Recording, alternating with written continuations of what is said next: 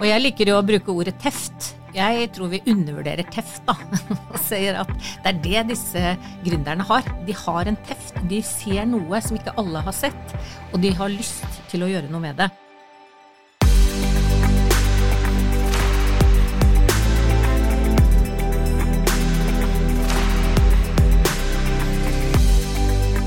Du lytter på Impactpodden, en podkast om gründere og sosialt entreprenørskap. Podkasten presenteres av Ferd sosiale entreprenører, og jeg er Katinka Greve Leiner.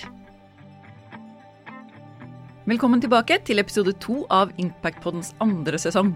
Og i dag så skal vi diskutere hvordan du kan komme i gang med ditt sosiale entreprenørskap. Om du virkelig har drivkraften til å bli en del av løsningen på et sosialt problem, så bør du få med deg denne episoden. Jeg har med meg gründerne av Medarbeiderne og Virevap i studio, og begge er i dag forretningsutviklere i Impact Startup, som er Ferds akselerator for ferske sosiale entreprenører. Chris Klemetvold Sandvik og Lise Arvesen, takk for at dere er med på dette. Det er herlig å få være her, for dette brenner vi for, Katinka. Og siden episoden skal handle om det å komme i gang, så får vi nesten gå rett på sak.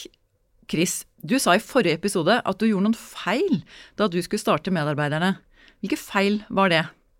Ja, um, det var mange, men, men, det som var den store feilen jeg gjorde helt i starten, var at jeg uh, satt på en måte med uh, ideen min på papir uh, og på datamaskin og lekte med ideen veldig lenge. og jeg gikk ut og snakka med noen mennesker, men jeg snakka ikke med de menneskene som skulle kjøpe tjenesten eller være en del av tjenesten.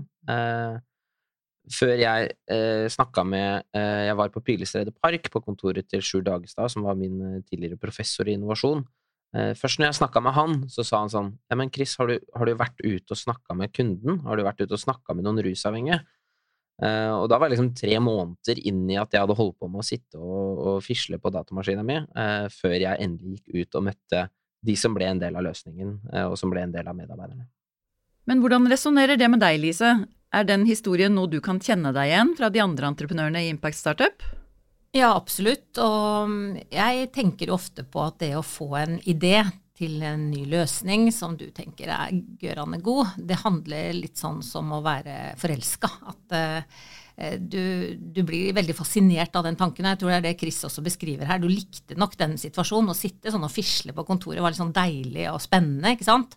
Men det å ta det fra det regnearket og gå ut og møte folk og forklare den ideen, som du knapt nok klarer egentlig kanskje å forklare for deg sjøl, og det verste tror jeg som kan skje, som vi gruer oss så innmari for, er at noen skal le. At de ler av deg eller av ideen. Og det å sette seg i en sånn posisjon til å bli ledd av, jeg tror faktisk det er så enkelt som det, at det er grunnen til at vi holder oss på skrivebordet. Chris? Mm, jeg husker jeg var kjemperedd for at uh, når jeg gikk bort til ei rusavhengig jente på gata, at hun bare ikke skulle At hun skulle være skeptisk og ikke forstå hva jeg mente, og at hun liksom skulle Uh, tro at jeg hadde alle mulige andre intensjoner enn det jeg hadde, men det ble et kjempebra møte. Og den første personen jeg gikk bort til på gata som var rusavhengig, ble jo den første ansatte i Panterne som i dag er medarbeidere. Betyr det at det liksom løsnet litt for deg idet du tok den kontakten med henne? Ja, absolutt. Eh, både fordi jeg, jeg ble kjempemotivert av å møte en ekte person med rusbakgrunn, istedenfor å bare fable om jeg, jeg, hadde jo ingen kontakt med rusmiljøet, visste ikke hva rus var for noe. Uh, men også fordi når når eh, hun, eh, Silje hadde fortalt meg sin livshistorie, og jeg hadde fortalt om min idé, så sa hun bare sånn Ja, men når setter vi i gang?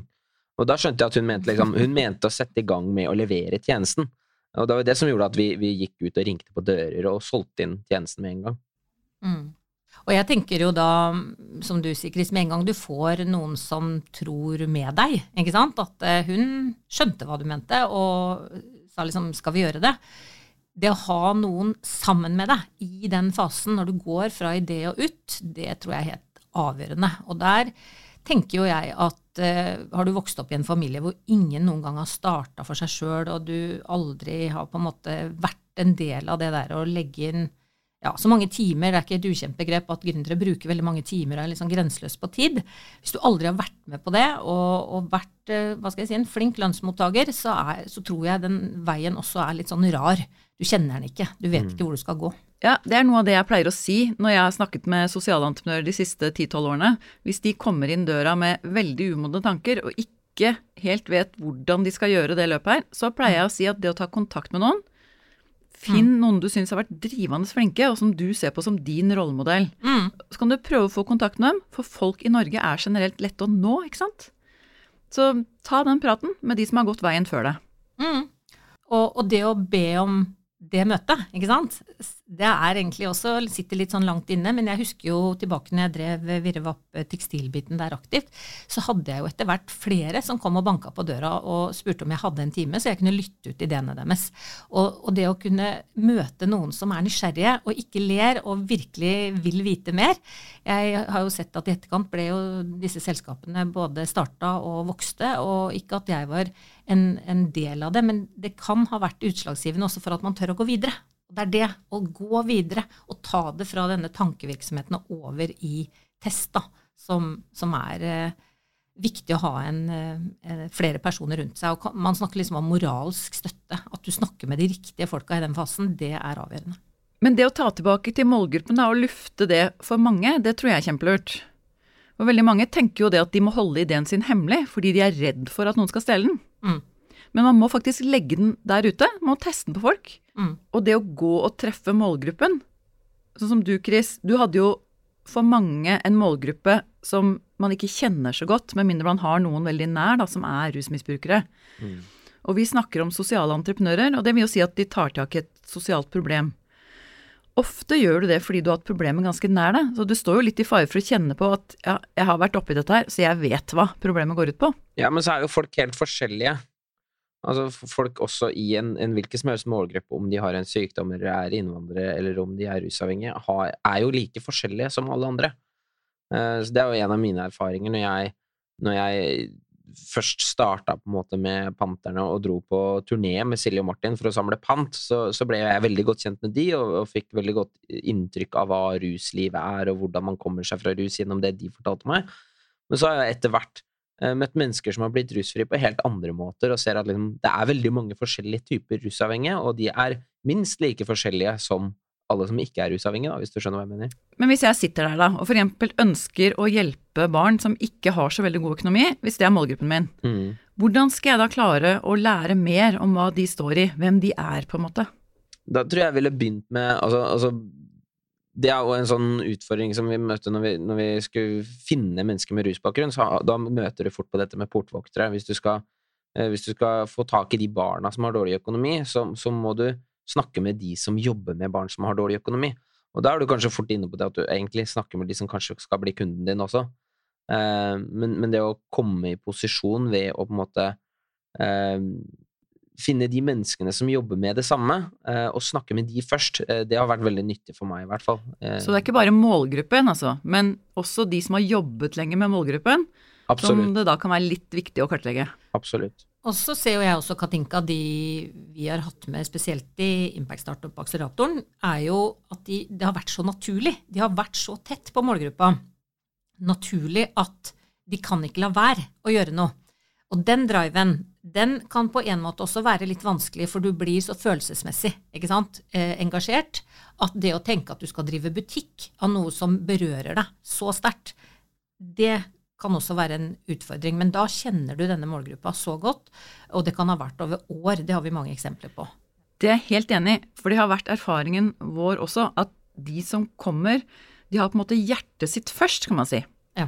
Så hvis du ikke klarer å ha en kald hjerne og et varmt hjerte samtidig, Mm. så kan du faktisk slite litt i forhold til å klare alt det en etablering er, og det å drive et selskap på en ordentlig måte. Mm.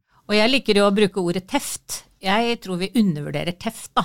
Og sier at det er det disse gründerne har. De har en teft. De ser noe som ikke alle har sett, og de har lyst til å gjøre noe med det. Eh, Men det da å gå ut, som vi snakker om her nå, til å få et større bilde Og mange hopper jo over det her og sjekker hva er det andre har gjort. Vi blir jo også veldig sånn tunnelsyn i den fasen her, og har tenkt ut liksom løsningen. Eh, Så jeg tror det også er med på at du ikke har lyst til å gå ut, for du har egentlig lyst til å bevare liksom kjæresten, som jeg sa i starten, har lyst til at han skal være høy og mørk og helt eh, fantastisk, liksom. Ikke ha noen eh, dårlige sider. Så, så det er eh, mye på spill i den fasen. eh, Men eh, gud, så moro. Jeg kom plutselig til å tenke på at når vi jobba med Unikus, så fikk jo han, Lars Grinderen han fikk veldig mange av de portvakterne som du snakker om, Chris, som sa det at mennesker med asperger de fungerer sånn og sånn og sånn, og da må du, da må du gjøre sånn og sånn hvis du skal ha et selskap som fungerer og ha folk ansatt med asperger. Mm. Men Lars han hadde jo ikke kapasitet til å gjøre alle de tingene, så han tenkte at ja ja, jeg prøver det på min måte i hvert fall. Og så funka det som rakkeren. Og så endte han da på akkurat det standpunktet at de med asperger de er akkurat like forskjellige som alle oss andre. Så det er altså sånn at man også må teste ut litt, og ikke ta for gitt det alle folk pleier å tro om den målgruppen som du ønsker å gjøre noe veldig spennende for. Jeg husker jeg snakka med en sosionomstudent helt i starten av, av oppstarten min, som, som, sa at den målgruppa der, Chris, som er, liksom, er rusfrie og eh, kan arbeide og holde seg rusfri over tid, den finnes ikke. Eh, men da er det på en måte noe med å både respektere det faglige synet som de som kan dette feltet har, men samtidig holde på den trua du har eh, på målgruppa, for jeg tror det er mange som undervurderer målgruppa si. Eh, og, og, at du liksom Altså for min del så har jeg blitt jeg har blitt overraska over hvor mange og hvor avanserte ting man kan sette mennesker med rusbakgrunn til å gjøre på jobb, og hvor pålitelige de faktisk kan være. Jeg, som er på en måte kanskje det mest naive i Gåstein, personen har, har blitt overraska over hvor, hvor, mye de kan gjøre. Det er noe jeg syns går igjen faktisk hos mange av de sosiale entreprenørene. Når jeg blir spurt om hva som kjennetegner en sosial entreprenør. Jo, noe av det, det er at de er villige til å se mennesker, sånn uavhengig av hva slags bakgrunn de har. Mm. Og finne ut hvilke ressurser er det som bor i deg, hvilke muligheter har du, og hva er du god til. Mm. Og det er jo en spennende inngang fra mennesker som da innimellom kan tenke annerledes enn andre deler av det det standard hjelpeapparatet vårt faktisk har å komme med. Mm. Men så er det jo sånn, da, som jo dere har nevnt, at disse målgruppene her, mange av dem har jo ikke så mye penger. Og hvis jeg som gründer da skal nærme meg og jobbe med f.eks. barn som ikke har noe særlig økonomi, eller om det er rusavhengige, Chris, hos dere, hvordan skal jeg gjøre det da? Jeg kan jo ikke akkurat si til dem at de skal betale lønna mi mens vi jobber med denne flaskepanten. Så åssen løser vi det? Hvis det er et spørsmål til meg um, jeg, det, jeg, var litt inne på det i stad, at når du møter disse portvokterne, så kan det hende det er de som skal finansiere uh, løsningen. Uh, de som jobber med rus i dag, uh, eller de som jobber med fattige barn i dag, det kan hende at det er at du må bli kjent med de og lære hvilke problemer og utfordringer de møter på i sin arbeidshverdag, som du kanskje kan bidra til å løse med din løsning. Så de kan være villig til å betale for at du kommer med din løsning? Ja, altså De er ikke nødvendigvis villige til å betale med, for din løsning sånn uten videre. Eh, du må nok bli godt kjent med de og bli kjent med hvordan de ser på problemet. Eh, men så kan det hende at de etter hvert, eh, gjennom et samarbeid med deg, ser at du kan løse dette på en bedre måte enn de, eller på en annen måte enn de, eller som et supplement til det de gjør i dag. Jeg tenker at dette skal vi faktisk bruke en episode på, for det er ganske kompleks materie, det der å gå fra å ha en løsning på et sosialt problem, til å finne ut hvordan du kan leve av å drive den løsningen. Hvordan får jeg faktisk noen kroner inn, så jeg kan si opp jobben min og begynne å jobbe for entreprenørskapet? Så den skal vi ta et dypdykk på, tenker jeg. Den er superinteressant. Mm. Men kan ikke vi vende litt tilbake igjen til det du var inne på tidligere, Lise, med rollemodeller? For jeg tenker jo at dere er eksempler på rollemodeller for disse gründerne våre der ute, og de som lytter på oss nå, og lurer på om de skal tørre å bli gründere. Og hva kjenner dere på da, når noen nærmer seg dere og begynner å spørre og grave rundt det å være entreprenør? Er det greit, eller er det plagsomt? Ja, absolutt. Nei, det er definitivt ikke plagsomt. Jeg sier jo at jeg har den aller beste jobben. Ehm, jeg gikk på et Nietzsche-kurs her, jeg fordypa meg litt i Nietzsche, Katinka. Og han har jo sagt at eh, vi er ikke mennesker, vi er dynamitt. Uh, og jeg føler at jeg jobber med dynamitt, dynamitten når jeg jobber med disse gründerne. For det er en sånn eh, entusiasme der, og en vilje og et ønske. Og når jeg gjenkjenner det, eh, når, jeg, når, jeg, når, jeg, merker den er der, så er på en måte ideen nesten sånn sekundært. Jeg kjenner at det er en kraft da, som jeg har så lyst til å bli mer kjent med. Så jeg vil si når folk kommer og presenterer ideer og lurer på ting, så vil jeg si at jeg stort sett alltid sier at det har jeg lyst til å lytte til, og jeg har tid til å være med deg. Men tror dere at det er en bestemt type man må være for å være gründer? Hva tror du, Chris? Nei, men jeg tror kanskje man må ha altså Hvis man skal bli gründer øh, eller sosialentreprenør, så, så tror jeg man må ha kremmerånd. Det skal vi snakke litt uh, mer om i neste episode. Uh, jeg tror man må ha Du må være en doer. Du må være en sånn person som ikke bare ser på problemer og klager i kantina. Du må være en sånn som har lyst til å fikse ting. Men det betyr at hvis jeg sitter her, og så har jeg en genial løsning på et sosialt problem, og så kjenner jeg på meg at jeg egentlig kanskje ikke er den derre dueren som du beskriver. Det blir fort rett og slett litt for mye for meg. Og jeg har møtt en del sånne entreprenører også, som mm. egentlig syns at både det ene og andre er litt ubehagelig. Hva gjør jeg da? Nei, Da må du bare prøve. Gå, gå, ut og snakke med de du tenker du skal hjelpe, og eller de som, de som jobber med de, de menneskene. Uh, jeg, jeg, snakker med mange som kommer med ideer og tror at ideen er veldig mye verdt, men jeg sier at ideen er ingenting verdt. Det er det å gå ut og gjøre det som er verdt noe. Mm. Men jeg har også lyst til å si at jeg har truffet veldig mange. Jeg har holdt etablererservicekurs eh, gjennom flere år og hadde jo veldig mange innom eh, som var liksom først, det, Dette var første kurset de skulle gå på for å sjekke ut om de skulle starte. Og det var det derre å se dem samla også, en sånn gjeng ikke sant, som hadde meldt seg på kurs. Der var det jo nesten sånn når vi spurte vil dere fortelle, så var det litt det du sa, Katinka, at de trodde de skulle holde ideen hemmelig. Eh, så all, ingen ville liksom si noe i starten, men med en gang en sa noe, og den fikk liksom resonans. Så sier ja, kult, ja, det kunne vært spennende. Um, så, så, det er noe med det her å, å, å samles og, og, tørre å si det. og uh, så jeg vil si, ja, meld deg på kurs. Da. Det finnes jo så mye bra der ute du kan uh, være med på. Men det viktigste er å komme blant folk, tror jeg, som er mm. interessert. Og, og da ser jo jeg fort for meg noen, at noen av de som hører på oss der ute, kjenner på det å melde seg på det der kurset. For det betyr jo også at du sier til de rundt deg, både familie ikke sant, og alle, at nå har jeg en ambisjon her. Og det kan jo kjennes ganske skummelt. Da outer du liksom den indre gründeren i deg. Og det vil du vel få noen reaksjoner på? Ja, og jeg vil jo da si ikke snakke med dem først, nødvendigvis. Family, liksom. Fordi, som jeg sier, ofte vil de eh, være sånn høflige, i hvert fall venner, vil jeg si. Hvis du begynner å diskutere med vennene dine, og de ikke er gründere eller har vært i dette sjøl, så blir det en sånn avstand, og de kanskje sier nei, eh, det er ikke der jeg tror du skal hente denne moralske støtta. Som du sa, gå til de som har gjort det. Spør de mm. som du kanskje syns er litt sånn skumle å spørre. Men der sitter jo kompetansen, ikke sant. Så søk til den.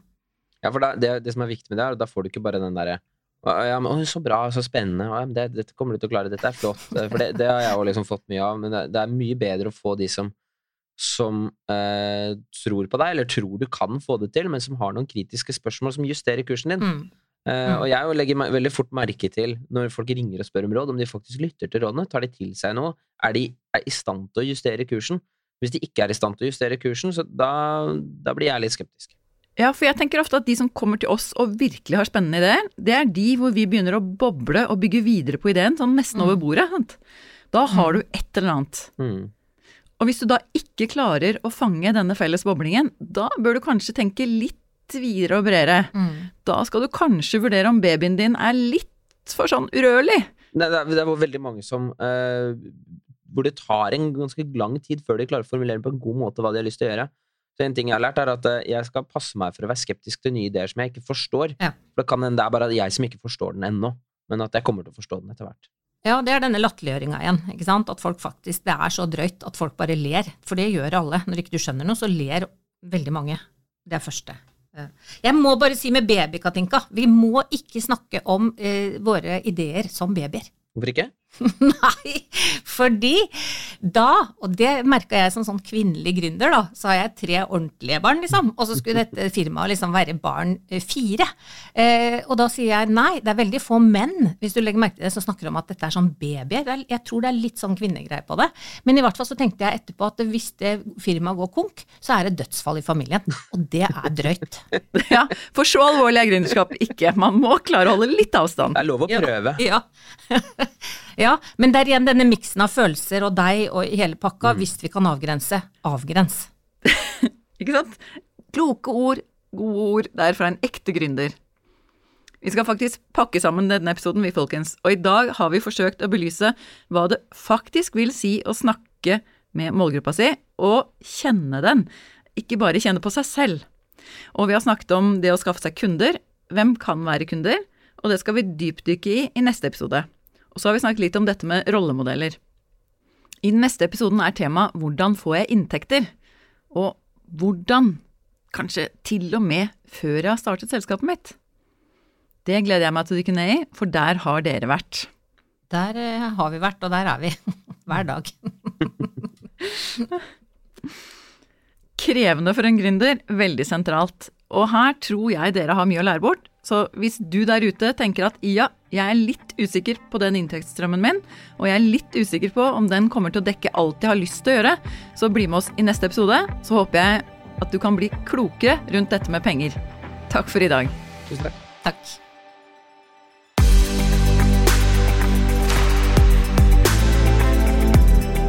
Du lytter på Impactpodden, en podkast om gründere og sosialt entreprenørskap.